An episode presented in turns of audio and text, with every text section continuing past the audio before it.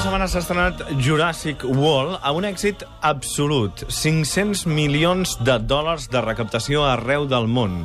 A Espanya, 957.000 espectadors, pràcticament un milió de persones, un 72% de quota de mercat. Això vol dir que de cada 100 persones que van anar al cinema aquest cap de setmana, 72 van anar a veure Jurassic World. Diuen que en un mes de juny mai s'havia estrenat una pel·lícula amb tal èxit que ara ja arribem a Ja. l'estiu, Sí, sí. sembla que el mes de juny costa una miqueta, a Jurassic World no li ha costat gens. I és la segona estrena, la segona millor estrena de l'any, només per darrere de les 50 ombres d'en Grey. Torrente, Ja no poder? imaginar. Torrente, no? Uh, no, superant a Torrente. Carai. Avui, per això, per analitzar l'èxit eh, cinematogràfic, però també per parlar, vaja, cinematogràfic no ho sé, l'èxit de taquilla de Jurassic World, però també per parlar del contingut de la cinta, ens acompanya Salvador Mollà, que és director de l'Institut Català de Paleontologia. Salvador, bona tarda, com estàs? Bona tarda, molt bé, gràcies. Molt bé. I ha vingut també en Josep Lambies, que ens farà la crítica. Visca. Bravo! Ah, ho estava esperant, ostres. Tu pensava que anaves a dir alguna cosa més? Ah, que no, visca. Visca, visca. Intentava donar la benvinguda. D'acord. Malícia. Aviam, uh, primer de tot, us va agradar la pel·lícula? Uh, no massa, no massa. jo no vaig sortir gaire content. Jo vaig anar al cinema amb una mica de prevenció, perquè la primera de Parc Juràssic, per mi és una obra d'art, és una pel·lícula fantàstica, plena d'emoció, eh, plena de ciència-ficció, realment. Hi ha un argument que connecta tota la pel·lícula i realment hi ha la gran emoció de veure dinosaures vius, molt ben reconstruïts, i la pel·lícula la trobo una autèntica obra d'art. Les altres dues, la segona i la tercera part, van estar bé, però evidentment no tenien aquesta part tan emotiva que tenen sempre les primeres. I vaig anar amb aquesta prevenció de dir, a veure què han fet, a veure realment si han aconseguit superar la primera part. I lamentablement he de dir que no. Jo, realment, la pel·lícula he de dir que no m'ha acabat d'agradar gaire. El Salvador Mollà el vam tenir aquí fa unes setmanes. Dels ous. Vam parlar dels ous, de les petjades de dinosaure que hi ha també per Catalunya, i ens va dir, aleshores, de passada, que ell era un fan, sobretot de la primera entrega de Jurassic Park, i que els paleontòlegs s'emocionaven quan anaven a veure Jurassic Park. I aleshores ja li vam dir, doncs, quan s'estreni la nova entrega, Jurassic World, et demanarem que hi vagis i que ens expliquis què t'ha semblat per la tribu. Després eh, parlem una miqueta del contingut des del punt de vista paleontològic eh, D'acord, d'acord. i si hi ha grans errors en aquesta pel·lícula, que segur que algun n'has vist. L'envies, tu? Jo secundo l'opinió totalment. A mi aquesta pel·lícula m'ha semblat un circ de bèsties, un divertimento, una gran exhibició de monstres, a més a més unes creacions fantàstiques, gegantines de dimensions titàniques, però per mi li falta una cosa molt important d'aquestes pel·lícules de bitxos, que és el suspens, no? la creació del terreny de terror. Tu veus King Kong, veus la primera versió de King Kong, i, ostres, allà hi ha, diguem, eh, la construcció d'un territori per la por. O sigui, triga bastant el goril a aparèixer, però ja et van donant petites alertes, et van posant així com sobre la pista d'un monstre que en qualsevol moment apareixerà. Passa el mateix amb la primera de Jurassic Park, en aquesta, en canvi, jo crec que tot és superevident, tot és superexplícit. Sí que veus unes creacions digitals eh, molt alarmants, però a part d'això, a part d'aquesta mena com de bestiari il·lustrat, mm, poca Buidor, cosa. buidor. Buidor total. Buidor. El que, el que esteu dient és que no hi ha argument. No, no hi ha argument. De fet, eh, la, han fet una pel·lícula eh, que realment el que fa és seguir el que ells mateixos intenten criticar a la pel·lícula, que és el fer diners ràpidament a partir dels recursos fàcils, com és un part d'aquest tipus, i realment el que han fet ha estat convertir la pel·lícula i la realitat en la mateixa cosa. No? Salvador, tots els uh, dinosaures que hi apareixen són del període Juràssic? Sí, més o menys. Jo penso que en principi errors... Exactament no ho sé, jo no sóc especialista en dinosaures, però en principi jo penso que la majoria està bastant ben agafat, aquest tema. Hi ha alguns errors a la pel·lícula, com és lògic, també n'hi havia alguna a la primera, encara que menys, i... però algun error hi ha, sí. Algun error que has vist, per exemple, un té a veure amb els Velociraptors, oi? Un té que veure amb els Velociraptors perquè des de fa 10 anys la recerca paleontològica ha avançat moltíssim. Sí. S'han fet descobertes a Xina en el Juràssic espectaculars. S'han trobat escalers pràcticament sencers de Velociraptors i formes semblants. I vaja sorpresa que ha resultat que els Velociraptors doncs, tenen plomes. Clar, evidentment, I a la pel·lícula com surten? surten amb bascates que és la manera, diríem, més dramàtica de mostrar un rèptil perillós i terrorífic. Home, com has de si fer tu- un animal ferotge amb plomes? Exactament. Si tu li poses a un velociraptor doncs, plomes de diversos colors, sembla que estigui de carnaval. Semblarà un I estruç. Realment no, Clar, no farà, semblarà exactament, semblarà un estruç. Per tant, jo entenc aquest fet, no? Però el fet real és que els velociraptors, que és de fet el grup que està emparentat amb l'avantpassat de les aus, sí. van tenir un ancestre comú, i per això tenen plomes, doncs eh, tenien plomes i realment eren animals que no eren gaire semblants al que ens mostra la pel·lícula.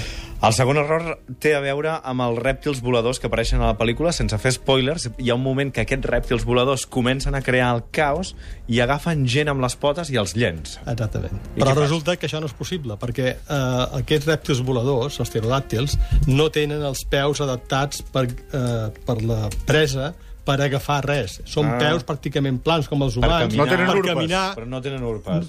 Pràcticament no. I no tenen la capacitat prensil, sobretot. Ah, val. Per tant, aquest espectacle d'agafar una persona, aixecar-la amb l'aire i llançar-la, això, de fet, no podia passar. No passa. Jo crec que aquí el que volien fer era, sobretot, a més, un homenatge a la persecució de les gavines dels ocells d'Alfred Hitchcock, eh, M'ho va passada de voltes recordar, m'ho totalment. va recordar, m'ho va O sigui, recordar. una mena de paròdia amb Correcte, pterodàctils de, correcte, del sí, que va sí, passar sí, sí. Bodega Bahia als anys Sí, sí. 60. Una altra cosa, Salvador, que no s'acaba d'ajustar del tot a la realitat és el fet que el tiranosaure sigui una bèstia sanguinària, oi? Així se'l presenta? Bueno, el, el Rex ja a la primera pel·lícula se'l va presentar com un animal doncs, extremadament perillós, un caçador, un caçador actiu, sanguinari, eh, però és que el sanguinari d'aquesta pel·lícula, que és el nou híbrid amb un raptor de color més clar, Sí. aquell ja matava per matar, diríem, d'una manera exagerada. Ja I- era una cosa passada de volta. I aquí és el bo? Aquí és el, aquí és el bo, el, el, el Rex és el bo, perquè a la primera pel·lícula era el depredador ferotge, però en la realitat els tiranosaurus Rex eren formes que eh, possiblement no eren ni tan sols depredadors. Possiblement eren carronyaires i no eren eh, depredadors actius. És a dir, no anaven perseguint una presa i la la, diríem, la cansaven per esgotament de córrer i després s'hi llançaven a sobre i di- o es barallaven molt de rato i la mataven. No. Segurament eren eh, carronyaires que feien era aprofitar doncs, animals morts que hi havia, diríem, a l'intempèrie. El que passa és que ho sabem perquè s'ha pogut estudiar ara el moll endocroneal dels recs i s'ha pogut veure que la meitat del cervell eren realment els bulbs olf- olfactius. Per tant, la meitat de la mida del cervell Sí. eren els bulbs. Per tant, eren extraordinaris amb captar olors mm. i podien reconèixer perfectament un animal mort. Però amb vista i amb buida possiblement eren bastant deficients. Perquè per la primera pel·lícula es deia que era justament perquè veien el moviment, no? Error. Això és el, I captaven el moviment. Aquest és, penso, l'únic error que hi ha a la primera pel·lícula de Parc Juràssic. Ostres. Aquest tema, perquè és, és olfacte, sobretot. L'última vegada que vas venir a la tribu vam parlar del jaciment de Coll de Nargó, que té les niuades d'ous de dinosaure eh, més, més gran d'Europa. A la pel·lícula surten ous? Al principi surt eh, un, un ou que fa eclosió, que es Sí. veu un raptor aquí a dintre Sí. i que, que rasca, trenca la closca i surt, no? I són com els de Coll de Nargó? Són una mica no? diferents, són, són eh, més allargassats els de raptor i els de coll de nargó, que són de sauròpodes, són més rodons, més eh, esfèrics, no? I els sons? Com se sap quins sons feien els dinosaures? Bé, jo crec que Parc Juràssic eh, ha fet una bona feina perquè han aconseguit mesclar sons de diferents eh, rèptils i també algun mamífer i també aus i ara no tant en aquesta, però en la primera versió aquí apareixia una diversitat més gran de dinosaures n'hi havia alguns de petits que feien un, un soroll molt especial que semblaven com aus eh, uns altres semblaven, feien uns altres crits els raptors tenien aquesta veu tan, tan, tan estrident, tan intensa. Jo penso que això és un dels èxits de la pel·lícula. Està molt ben aconseguit. Jo diria que si haguéssim de fer una predicció de com sonaven jo penso que ho van fer força bé.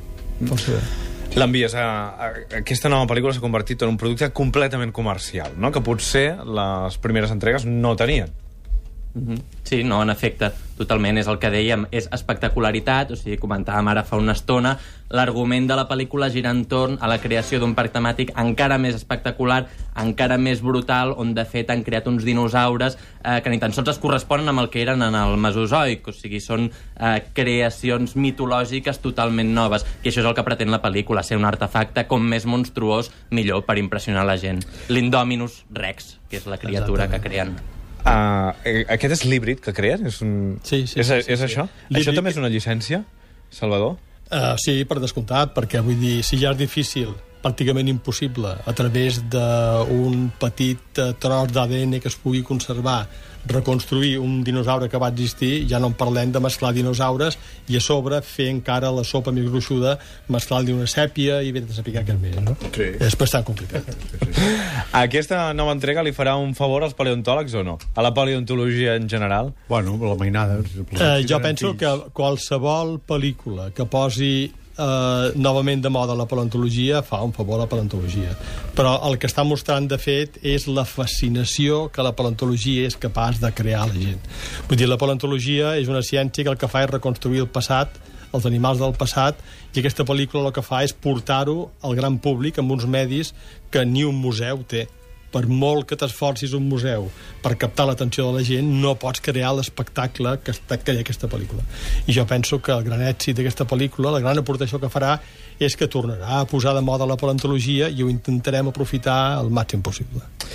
Salvador Mollà, director de l'Institut Català de Paleontologia, moltíssimes gràcies per haver tornat a, vosaltres. la tribu de Catalunya Ràdio. Gràcies, l'envies també. A vosaltres. Que vagi bé. Adéu-siau.